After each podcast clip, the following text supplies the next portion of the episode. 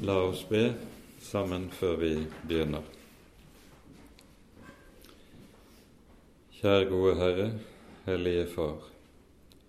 Så kommer vi sammen inn for ditt ansikt og kaller Herre på ditt hellige navn. Takk, Hellige Gud, at vi skal få lov til å være dine barn, høre til i ditt folk, som du, Herre, har bøyet deg ned til og tatt deg av i din store godhet.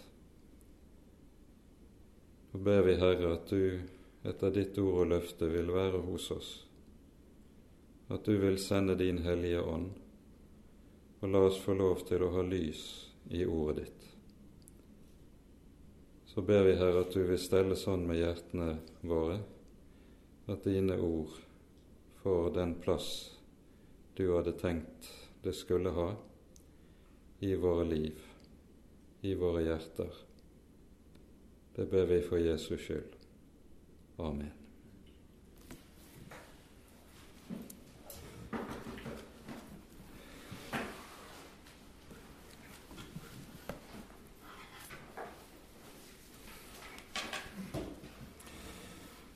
Sist gang så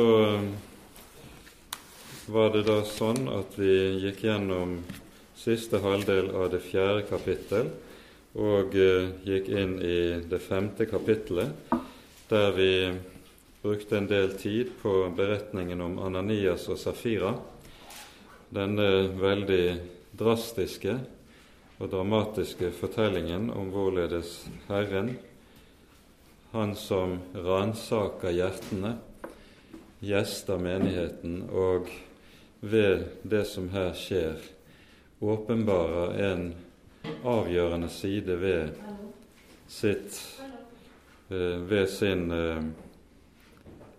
herlighet, ved sin hellighet, i det han Vi kan sammenfatte det hele, tror jeg, med ordene i Galaterbrevets sjette kapittel. Gud lar seg ikke spotte. Det er en dypt alvorlig fortelling som samtidig også eh, peker på for oss at det bildet som veldig mange eh, kristne har av den første menigheten i Jerusalem som nærmest en idyll, eh, ikke helt svarer til virkeligheten. Det ser vi også når vi kommer til det sjette kapittel, der vi eh, får høre om den første konflikten i den eldste kristne menighet. Vi vil antagelig klare å eh, komme så langt i dag. Overgangen mellom eh, beretningen om Ananias og Safira og det som videre skjer i, eh, med apostlene, det finner vi i vers 12 til 16 i kapittel 5. Her finner vi på ny det vi kaller for et summarium. Det er noen slike avsnitt, særlig i dette, denne første delen av apostlenes gjerninger, som kalles for summaria, der eh, Lukas likesom stanser opp og gir en sammenfatning, eh, kortfattet, av det som kjennetegner menighetens liv, og også for så vidt apostlenes virke. Og det er et nytt slikt summarium vi nå hører her, som innledning til avsnittet om hvorledes apostlene på ny fengsles. Vi leser fra vers 12. Det skjedde mange tegn og under blant folket ved apostlenes hender. Med ett sinn pleide de alle å samles i Salomos søylegang. Av de andre våget ingen å holde seg nær til dem, men folket hadde mange lovord å si om dem. Stadig flere som trodde på Herren, ble lagt til menigheten, en mengde både av menn og kvinner. Folk bar til og med syke ut på gatene og la dem på senger og bårer for at i alle fall skyggen av Peter kunne falle på dem når han gikk forbi. Også fra byene rundt Jerusalem kom det mengder av folk som førte med seg syke og slike som var plaget av urene ånder, og alle ble helbredet. Vi ser her i dette avsnittet som eh, stanser opp for noe som vi tidligere ikke har hørt meget om i apostlenes gjerninger, med unntak av den helbredelsen av den eh, lamme som vi leser om i, i kapittel 4. Eh, helbredelsen i Jesu navn, så understrekes det nå at det skjer en rekke eller stadige helbredelser ved apostlenes hender og ved deres virke. Og Dette skaper tydelig stor oppmerksomhet, ikke bare i Jerusalem, men også i, i landsbyene omkring, så folk begynner å strømme til i håp om å få helbredelse. Det sies ikke, det skal vi legge merke til, at de som Peters skygge faller på, ble helbredet. Det er av og til det tolkes slik. Dette er antagelig mer uttrykk for folkets tiltro til Peter enn det er uttrykk for at det faktisk skjer helbredelser ved at Peters skygge faller på mennesker. Da har det nok mer vært når det skjer legedom ved apostlenes ord og gjerning, så skjer det ved aktiv forbønn i Jesu navn. Så her har vi så å si uttrykk for en folkelig eh, tro, eller overtro, om vi skulle kalle det så, i akkurat det som sies i det 15. verset.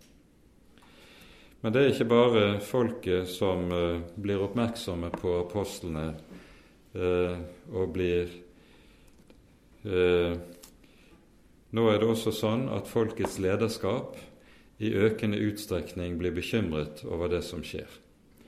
Og da leser vi videre fra vers 17.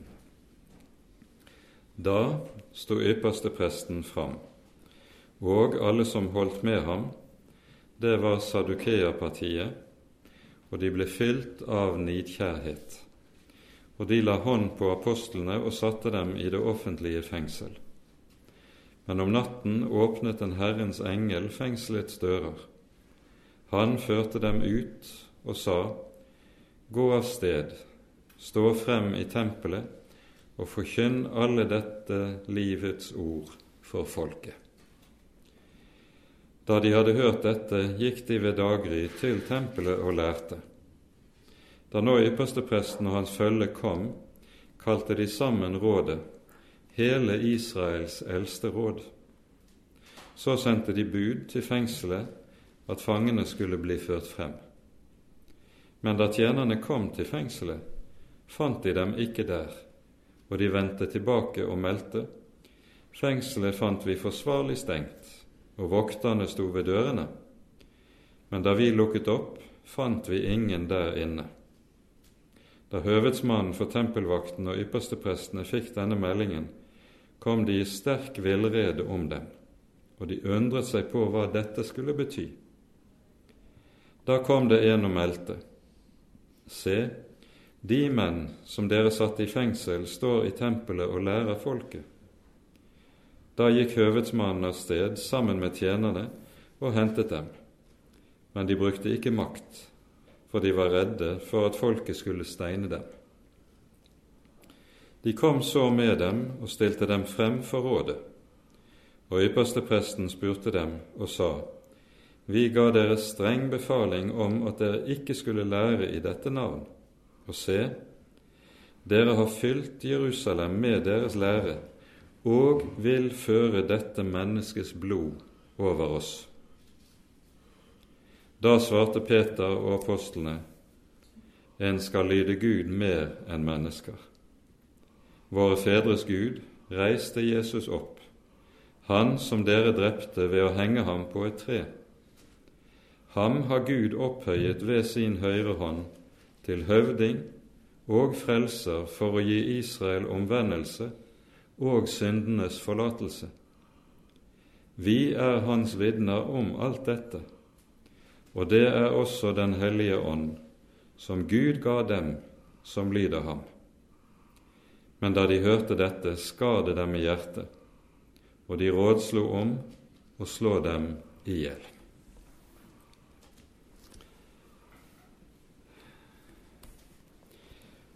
De som er de aktive her når det gjelder pågripelsen av apostlene, det hører vi er Sadukeerpartiet.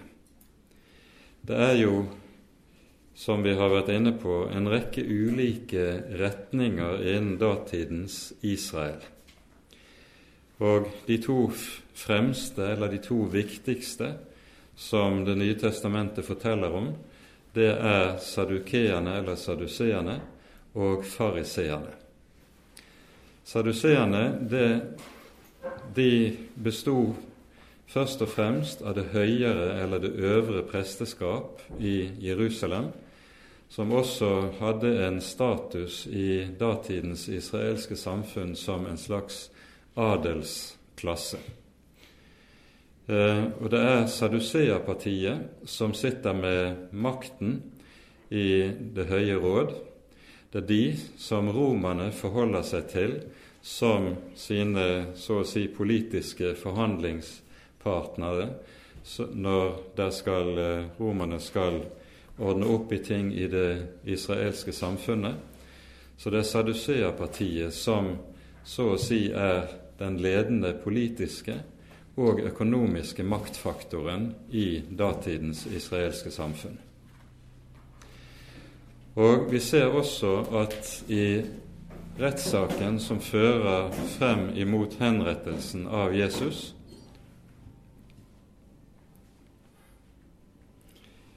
rettssaken som fører frem mot henrettelsen av Jesus, så er det saduseerne som er de aktive. Jesus er ikke akkurat populær blant fariseerne heller. Og vi hører gjentatte anledninger at fariseerne også ønsker å ta Jesus av dage. Det ser vi i en rekke sammenhenger i evangeliene.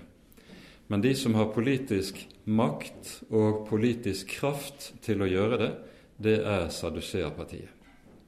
Og det er de som nå også går til skritt for å ta apostlene. Det høye råd som vi her hører om, Sanhedrin, det bestod av 70 av Israels eldste. De ledende her i Det høye råd var altså Saduseerpartiet, og det var ypperstepresten som var så å si stortingspresident for Det høye råd. Men i Det høye råd satt også en god del som hørte til fariseerpartiet, Eh, mange av dem bar tittelen skriftlærde, eller det vi i dag ville kalle for rabbinere. Og eh, vi hører om en av disse senere i kapittelet. Det er Gamaliel. Når det her sies i det 18. verset at de la hånd på apostlene og satte dem i det offentlige fengsel, så betyr dette antagelig at det nå ikke bare er Peter og Johannes som settes i arrest, men antageligvis også de øvrige av apostlene. Dette er det enighet om blant uh, skriftutleggerne. Selv om det nok er slik at det er Peter som fører ordet når de nå etterpå føres frem for rådet, så er det likevel sannsynlig at det hele apostelkollegiet er blitt pågrepet, fordi en ønsker å stanse det som nå foregår i forkynnelsen av Jesu navn. Så kastes de i det offentlige fengsel. Det er usikkert hvor dette var i det gamle Jerusalem. Um, og det har for så vidt liten betydning for oss. Um, men at det har denne benevnelsen, det betyr nok i alle fall at det var en annen type arrest enn den Peter og Johannes settes i, og som vi hører om i det fjerde kapittelet. For Det understrekes nettopp at det er det offentlige fengsel, og når de settes i stokken her, så blir det under anklagen av at dette er forbrytersk virksomhet som de bedriver.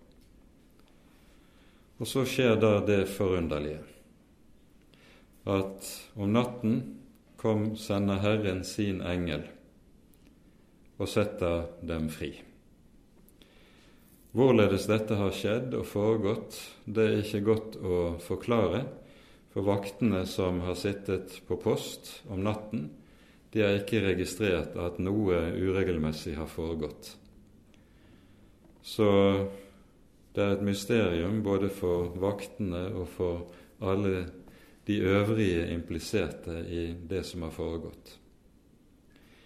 Men her ser vi hvorledes Herren sender av sted sine engler, eh, som vi møter altså noen steder i Det nye testamentet i forbindelse med for særlig viktige begivenheter. Ordet engel betyr bokstavelig budbærer. Og det bud som engelen bærer til apostlene her, det er jo det som er det viktige i denne anledning. Jeg tror vi har lov til å si at det vi hører om her, det er så å si en levende illustrasjon av det som Paulus eh, skriver om i 2. Timotius brev, der han eh, sier at i kapittel 2 at han selv sitter bundet som en forbryter i fengsel. Men, sier han, Guds ord er ikke bundet. Og det er det Gud så å si vil demonstrere gjennom det som her skjer.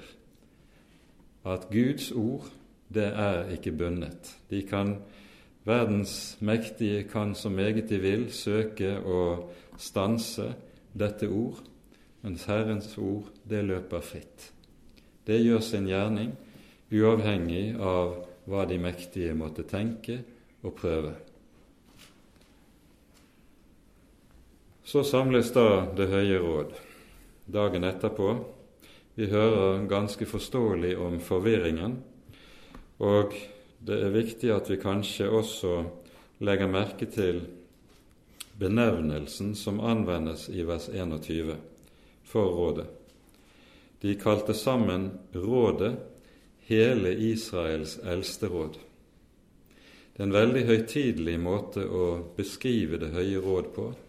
En høytidelig og formell beskrivelse som sier noe om eh, hva slags sammenkalling eh, det dreier seg om når de nå skal forhøre apostlene og eventuelt idømme dem dødsstraff. For det er det som helt klart er ønsket fra særlig det saduseiske presteskapet.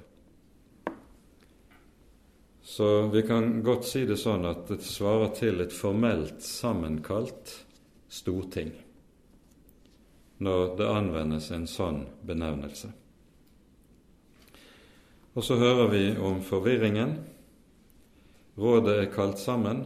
De som de ville stanse, de har på ny gått dit Herrens engel ga dem pekefinger om at de skulle gå. De skulle gå til tempelplassen og forkynne Herrens ord. De skulle ikke forkynne Guds ord i en bakgate eller i en avkrok. De skulle gå til det som var Israels religiøse sentrum, på tempelplassen. Og Dette sier oss også en sak som er uhyre viktig, og som har alltid vært avgjørende i Kirkens historie. Forkynnelsen av evangeliet er viktigere enn selv menneskets liv, enn selv forkynnernes liv. Forkynnerne skal være villig til, om så kreves, å bøte med livet for forkynnelsen av evangeliet. Og Dette er jo da noe som den senere kirkehistorie vitner meget sterkt om, at forkynnelsen av evangeliet har denne betydning. Slik er det også i våre dager. Nå henter da tempel, eller vaktstyrken for tempelområdet eh, apostlene som er i full gang med å preke og undervise folket. Og det vi kanskje også skal legge merke til i dette kapitlet, det er at apostlenes forkynnelse kalles for lære. Det står om igjen og om igjen at apostlene lærer, at de underviser, og apostlenes forkynnelse kalles for læren. Denne lære. Dette sier noe ganske grunnleggende om hvorledes forkynnelsen artet seg. Det var nettopp slik at apostlenes forkynnelse hadde en veldig høy grad av undervisende innhold og av undervisende sikte. Vi har vært inne på det tidligere når vi pekte på hva det er som utgjør så å si stammen i apostlenes forkynnelse. Den bestod av at de pekte på hva Skriften sier, og dernest på hvorledes Skriftene blir oppfylt i Kristi person. Dette er forkynnelsens grunnleggende innhold, og dette er læren, som apostlene også holder frem med. Nå kalles også av Herrens engel dette, denne forkynnelsen som de skal bære frem, den kalles for livets ord. Forkynn alle dette livets ord for folket, sier engelen. Det er et uttrykk som vi møter flere ganger i Johannes sine skrifter. Eh, ikke minst hører vi det i Peters bekjennelse i Johannes evangeliets sjette kapittel, der Peter sier når Jesus spør vil også dere gå bort, og så svarer han Herre, til hvem skulle vi gå? Du har jo det evige livs ord, og vi tror og vet at du er Guds hellige. Når det kalles for livets ord, så er det fordi dette ord er i seg selv livgivende. Det er et ord som ikke bare vitner om livet, som taler om det evige liv, men det er et ord som i seg selv gir og rekker livet til de som hører det, slik at de som tar ordet til seg, får del i det evige liv. Og når ordet bærer slik av den livskraft som kommer fra Gud, så henger det sammen, det henger uløselig sammen med at det grunnleggende i Jesu oppstandelse. Han er den som har seiret over døden. Og ordet bærer med seg denne seier over dødens krefter til syndere som tar imot det og får del i det. Det er viktig å legge merke til hvorledes Det nye testamentet ordlegger seg, for det er aldri tilfeldig. Og måten Det nye testamentet ordlegger seg på, det har alltid viktige ting å si oss, og derfor er det også avgjørende å legge merke til det. Nå hører vi, etter at apostlene er hentet inn og tilbake til rådsmøtesalen, så tar ypperstepresten ordet. Det er antagelig fortsatt Kaifas som presiderer som leder for Det høye råd. Og han sier vi ga dere streng befaling, slik som vi hørte det i kapittel 4, om at dere ikke skulle lære i dette navn. Og se, dere har fylt Jerusalem med deres lære og vil føre dette menneskets blod over oss. En anklage for, om lovbrudd en anklage om ulydighet mot folkets religiøse og politiske autoriteter. Og Her skal vi også merke oss hvorledes Kaifas, hvis det er han det dreier seg om, ordlegger seg. Han kaller Jesus Han nevner ikke Jesus ved navn. Men han kaller Jesus for 'dette mennesket'. Og Dette er et fenomen som du fortsatt vil se innenfor store deler av dagens jødedom. Ikke minst den ortodokse jødedom. Og gjennom hele middelalderen så en dette. Jøder nevnte ikke Jesus ved navn, men de kalte ham bare for det mennesket eller dette mennesket. Det er en fornedrende benevnelse, og eh, en rekke steder, både i Talmud og i andre skrifter, så omtales Jesus enten med denne betegnelsen 'dette mennesket', eller han omtales med en annen betegnelse 'den hengte'. Det er de to vanligste benevnelsene på Jesus, de få sammenhengene han er omtalt i Talmud. Og begge benevnelsene har det med seg at de er degraderende, de vil nedverdige dette navn. Hva han mener med setningen 'Dere vil føre dette menneskets blod over oss', har vært meget diskutert blant skriftutleggerne. Eh, ordlydene så minner jo dette meget sterkt om det som var folkets rop, og som vi hører i eh, Matteusevangeliets 27. kapittel. Når folket roper 'Korsfest, korsfest', så roper folket 'La Hans blod komme over oss og våre barn'. Det er mulig at ordene er en gjenspeiling av dette, men det er også mulig at det her henspilles på at den frykten som Kaifas setter ord på i Johannesevangeliets 11. kapittel, når han etter at Jesus har vakt Lasarus opp fra de døde, så sier han la vi dette mennesket holde ved således, så vil romerne nå komme og ta oss og vårt sted. Altså oppslutningen om Jesus ses på som en trussel politisk som romerne før eller senere vil måtte gripe inn imot. Og så frykter de at dette vil komme til å ramme hele folket, og ikke bare de som hører til menigheten. Dette er ulike måter å forstå Kaifas ord på. Vi vet ikke hva som egentlig er ment fra hans side. Men nå er det Peter svarer. Og vi legger merke til Peters frimodighet. Og det som Peter gjør i sitt svar, det er at han så å si snur hele situasjonen på hodet. Han og de øvrige apostlene står for Det høye råd som anklagede. Ved det Peter gjør, så snur han situasjonen, og det er Det høye råd som nå blir de anklagede. På Herrens, på Den hellige ånds vegne, anklager Peter Det høye råd.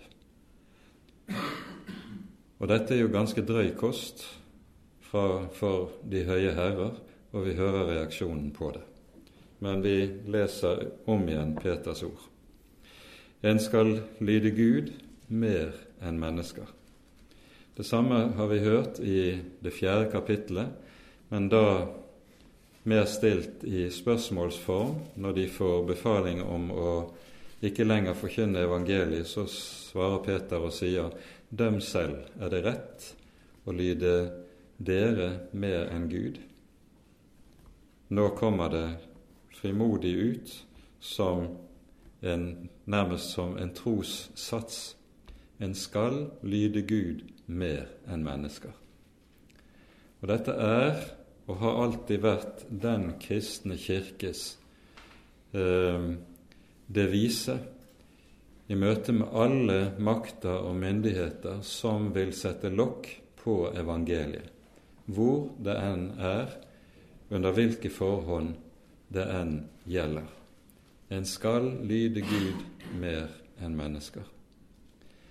Kristne skal legge vind på å være lydige mot øvrigheten. Det hører vi i Romerbrevet i det 13. kapittel. Men denne lydighet har altså sin veldig klare begrensning. der myndighetene befaler noe som er i strid med Guds ord, der skal en lyde Gud mer enn mennesker. Dette kom jo til å bli eh, et helt akutt problem under andre, andre verdenskrig her i Norge. Og 1942 formuleres det bekjennelsesskriftet som kalles for Kirkens grunn, som tar opp dette, eh, denne problematikken, forholdet mellom den kristne menighet og statsmakten. Og der sies det meget ende frem at der staten påbyr og befaler noe som er i strid med Guds, vilje, Guds ord og Guds vilje, der er staten ikke lenger et Guds redskap, men en demonisk makt. Så drastisk sies dette i bekjennelsesskriftet Kirkens grunn, som ble lest fra Kirkens talerstoler første påskedag i 1942. Og Dette er også Det nye testamentets vurdering av disse ting. Um, I Bibelens siste bok, Johannes' åpenbaring, møter vi denne demoniske statsmakt i sin mest utrerte form i Johannes' åpenbaring i det 13. kapittel, der det antikristelige riket trer inn på arenaen og starter sitt voldsherredømme. Der er staten ikke lenger et Guds redskap, men en demonisk makt. Så skal en altså lyde Gud mer enn mennesker. Så fortsetter Peter. Våre fedres Gud reiste Jesus opp, han som dere drepte ved å henge ham på et tre. Og bak her ligger ordene i Davids salme 118. Den stein bygningsmennene forkastet, er blitt hovedhjørnestein. Bygningsmennene, det er Israels åndelige ledere. De kalles for bygningsmenn, like som den kristne menighets forkynnere, ledere og predikanter også kalles for bygningsmenn i eh, Paulus sine brever. Men her er det bygningsmennene har totalt snudd alt på hodet. De har forkastet grunnsteinen. Men Gud gjør ham altså til hovedhjørnestein. Ham har Gud opphøyet ved sin høyre hånd til høvding og frelser for å gi Israel omvendelse og syndenes forlatelse. Her sammenfattes i to meget, meget korte vers det som er den apostoliske forkynnelses hovedinnhold. Det vi også legger merke til her i vers 31, det er at Jesus her benevnes med navnet Frelser. Det er en benevnelse som brukes meget sjelden om Jesu person i Det nye testamentet. Vi hører det to ganger i Lukasevangeliet, og vi hører det en gang til i apostlenes gjerninger og et par ganger til i brevene. Antagelig er årsaken til at denne benevnelsen anvendes så sjelden på Jesu person, det henger sammen med Jesu navn. Jesu navn betyr jo rett og slett Herren frelser. Og i og med at Det nye testamentet er blitt til i hebraisk talende, et hebraisktalende folk blant jøder, så har så å si frelsernavnet ligget åpent for dagen i Jesu, Jesu navnet for alle som hørte det. Det som også er av stor betydning å være klar over, det er at i Det gamle testamentet er det slik at det er Herren og Herren alene som benevnes med navnet Frelser. Det er Gud som er Israels frelser, det er Gud som er sitt folks frelser. Når Jesus dermed også kalles for frelser, så sies det med det noe helt avgjørende om Kristi person. Også dette er et ord som bevitner Jesu guddom, at han kalles med frelsernavnet. Så fortsetter Peter med å si:" Vi er hans vitner om alt dette, og det er også Den hellige ånd, som Gud ga dem som lyder ham. Men da de hørte dette, skar det dem i hjertet. Det som ligger underforstått i dette siste verset fra Peters munn, det er jo at han sier her at de som apostler har mottatt og er redskaper fra Den hellige ånd. Det høye råd har ikke Den hellige ånd.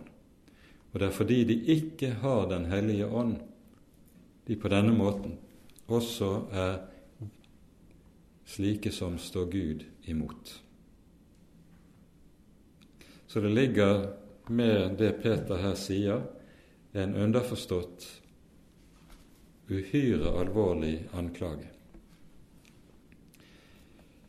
Det som jo skjer med apostlenes forkynnelse fra pinsedag av, når Herren sender Ånden på en så påtagelig og åpenbar måte som skjer på pinsedagen, det er at det er noe helt nytt som så å si tar form i Israel. Det var en vanlig oppfatning innenfor jødedommen på Jesu tid at Den hellige ånd hadde forlatt Israel.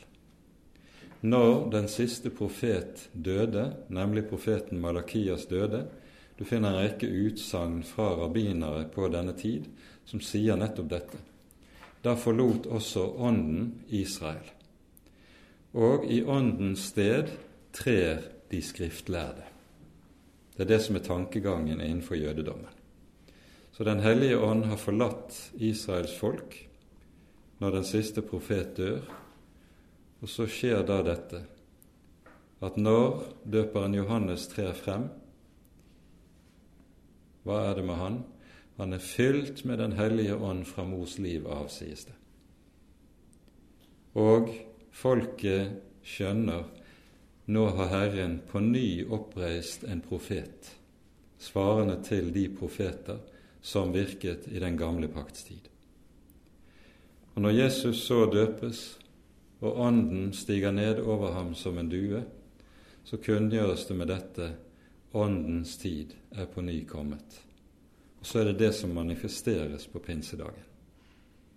Det er noe helt nytt som skjer i Israel med at Ånden nå er kommet, og at Ånden nå ikke bare er en ånd som taler gjennom utvalgte profeter, men i samsvar med Joels ord skjenkes til alle som hører Herren til. Hver den som påkaller Herrens navn, skal bli frelst.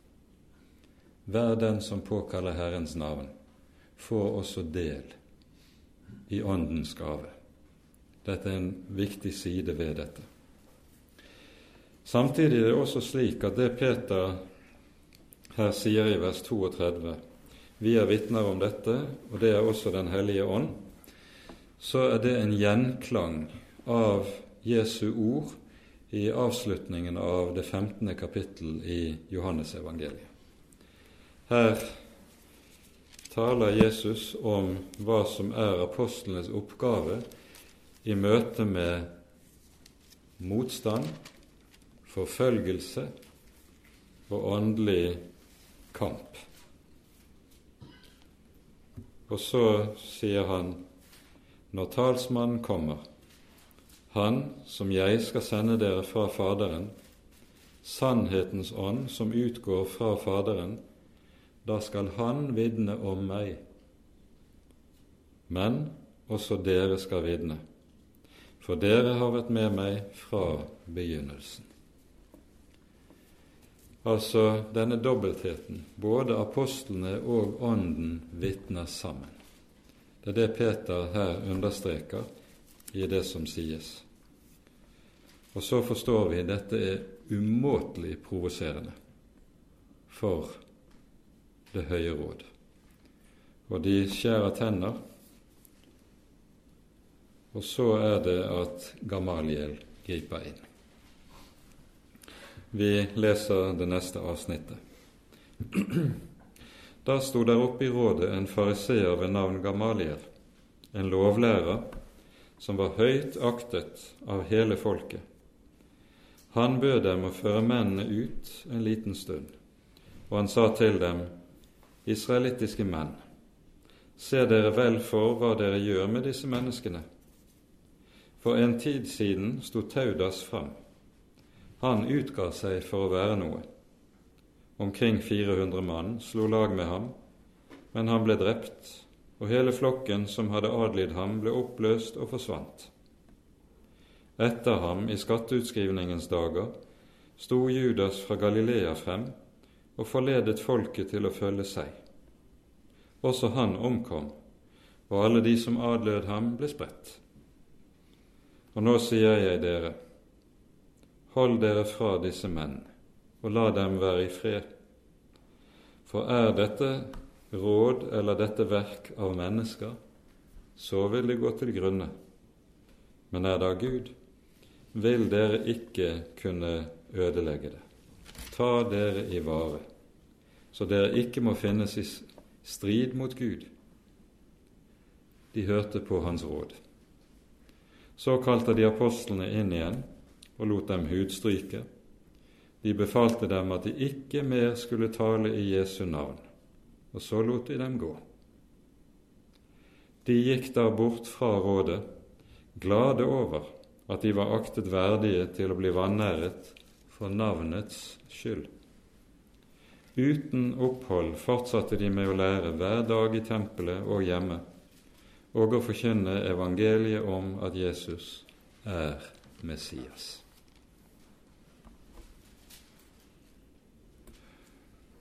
Gamaliel er et navn som er vel kjent fra jødisk tradisjon.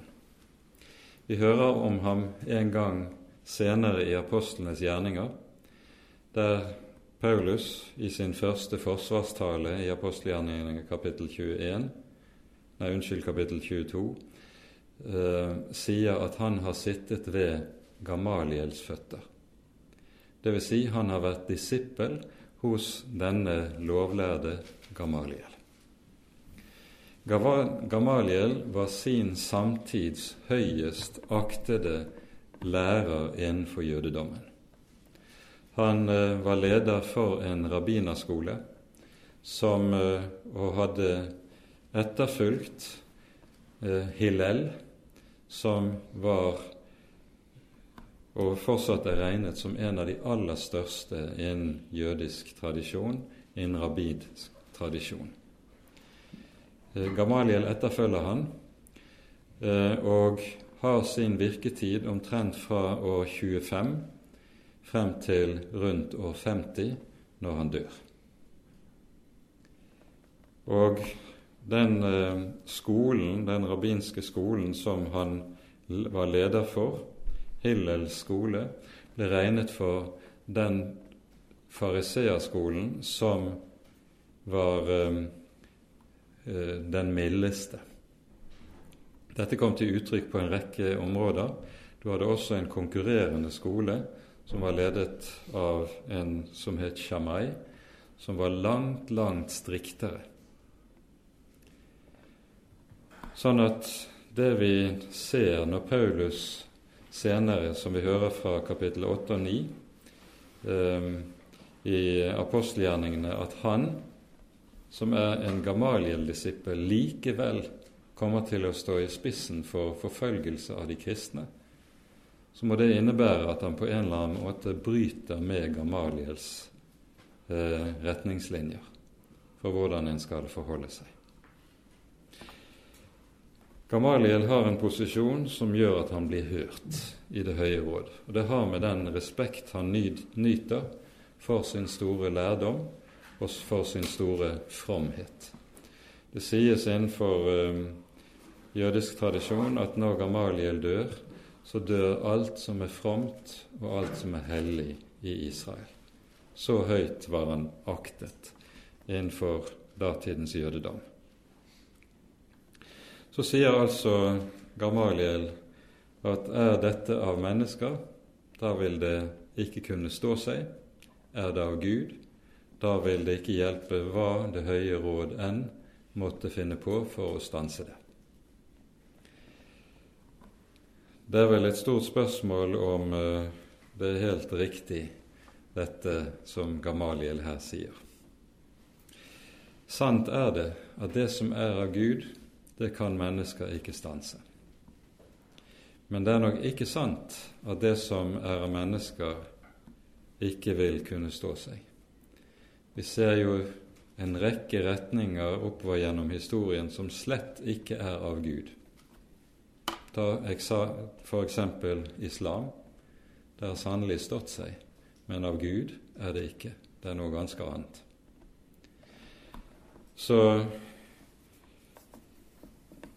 det er vel på en sånn måte at vi må kunne si at det Gamaliel her eh, står som advokat for, eh, må kunne sies å være en halv sannhet.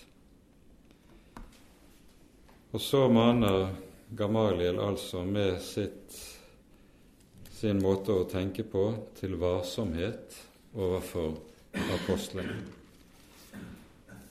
Det er nok ikke en varsomhet som uh, svarer til dagens humanitære tradisjon. Men likevel. De får, når apostlene kalles inn igjen, så får de ytterligere klar befaling om å tie. Og så får de stokkeslag, eller de hudstrykes, som det sies i de fleste bibeloversettelsene. Her kan det være godt å være oppmerksom på at den jødiske piskestraffen, eller stokkeslagsstraffen, den var annerledes enn den romerske, som Jesus var utsatt for forut for at han ble korsfestet. Romernes pisking var en forferdelig straff som av en slik karakter at det var svært mange mennesker som ikke engang overlevde piskestraffen. Det hang sammen med at disse piskene som ble anvendt av soldatene, de besto av eh, eh, okselær. Og i okselæret var det festet enten blykuler eller beinsplinter som gjorde at når de traff huden, så rev de opp huden. Det skulle bare noen ganske få slag til å rive opp huden på ryggen til en stakkar. Og så begynte det å rive kjøttet, musklene, av beina på ryggen. En forferdelig eh, straff, denne romerske piskestraffen. Den jødiske piskestraffen var annerledes. Den, ifølge 5. Mosebok kapittel 25 skulle det aldri gis mer enn 40 slag. Og eh, denne straffen hadde innenfor jødedommen ikke en slik brutalitet som den romerske hadde. Paulus forteller at han for sin del fem ganger var blitt utsatt for denne straffen. Og i den jødiske måten å tenke på, at en skulle være sikker på at en ikke overtrådte loven, så ga en aldri 40 stokkeslag. En ga alltid ett slag mindre. Det skulle være maksimum 39 i tilfelle man kom til å telle feil, og da skulle overtre det som var Guds befaling. Så 39 slag, det var den, det som var maksimumstraffen i dette. Og vi forstår at den jødiske straffen har ikke sånne alvorlige helsemessige følger som den romerske piskestraffen hadde. Derfor kan apostlene, når de går ut, nok være slått gul og blå, men de har fortsatt helse til å frimodig å kunne fortsette å forkynne Herrens ord.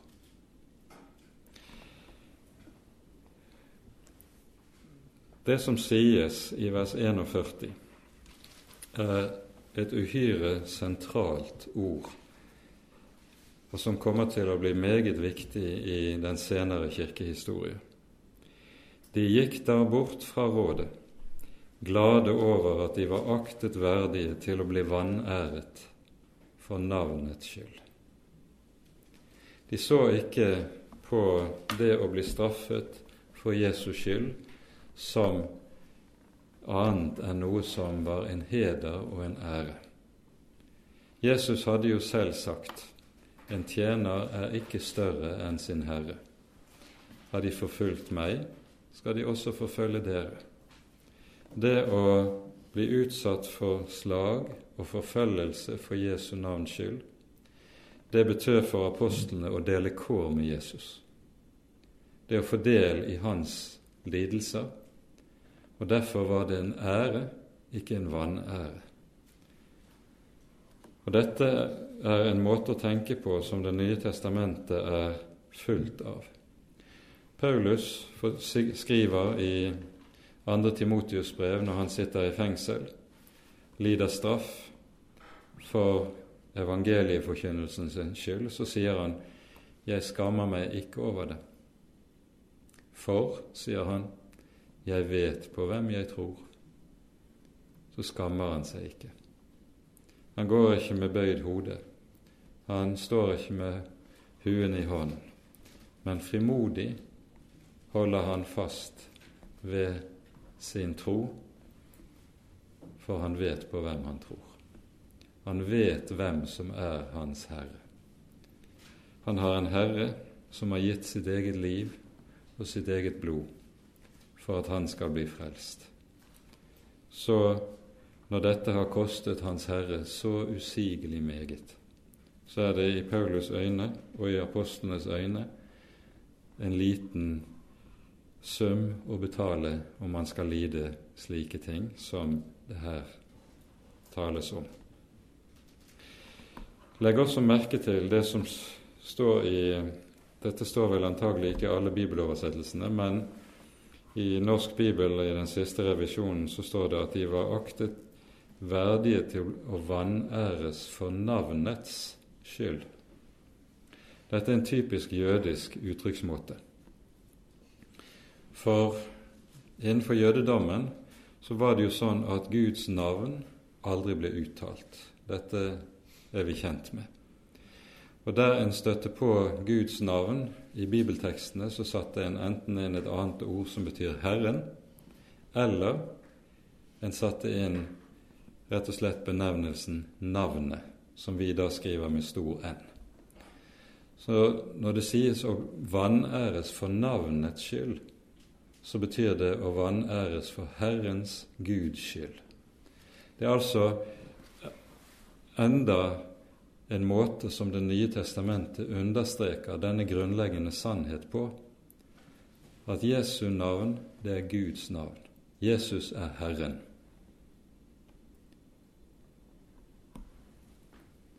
Og så fortsetter apostlene frimodig å forkynne uten opphold fortsatte de med å lære hver dag i tempelet og hjemme, og forkynne evangeliet om at Jesus er Messias. Og her møter vi på ny en sånn sammenfatning. Det sies hva evangeliet er. Hva er evangeliet? Andre steder i Det nye testamentet kan det sies evangeliet er ordet om korset. Evangeliet er en Guds kraft fordi det åpenbarer Herrens rettferdighet av tro til tro. Og her sies det evangeliet er budskapet om at Jesus er Messias. Det er sammenfatningen. Hva sies det med det? Med det sies det og understrekes det at Jesus er den som oppfyller alle Det gamle testamentets løfter om frelsen.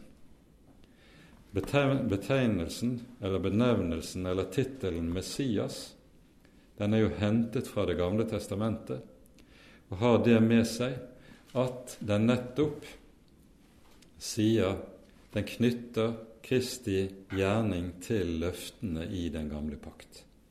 Om Frelseren som skulle komme, som skulle sone menneskenes synder, som skulle rekke sin rettferdighet til fortapte som skulle være den gode hyrde, som skulle opprette den nye pakt, som skulle knuse slangens hode, osv., osv. Som Messias er Jesus den som oppfyller alle løftene. Og det er det som er hovedinnholdet i apostlenes forkynnelse, slik vi her møter den. De vet på hvem de tror, og derfor bevarer de frimodigheten. Og det er det som er nøkkelen til all sann kristen frimodighet. Kristen frimodighet bunner ikke i tro på meg selv og min egen dyktighet til å formidle, mine egne talegaver, mitt eget overblikk, mine intellektuelle evner til å fange mine motstandere i ord. Frimodigheten bygger ikke på det. Frimodigheten bygger på at jeg vet på hvem jeg tror. For det er i Hans navn vi trer frem og forkynner. Og det er ved Hans ånd gjerningen skal skje, ikke ved noe menneskes styrke. Og så er det det som er det bærende i hele apostlenes gjerning overalt. Jeg vet på hvem jeg tror. Det skulle også være det bærende for oss. Da ser jeg på klokken at vi ikke rekker mer i dag, så vi får sette punktum med det. Ære være Faderen og Sønnen og Den hellige ånd, som var og er og være skal en sann Gud, høylovet i evighet. Amen.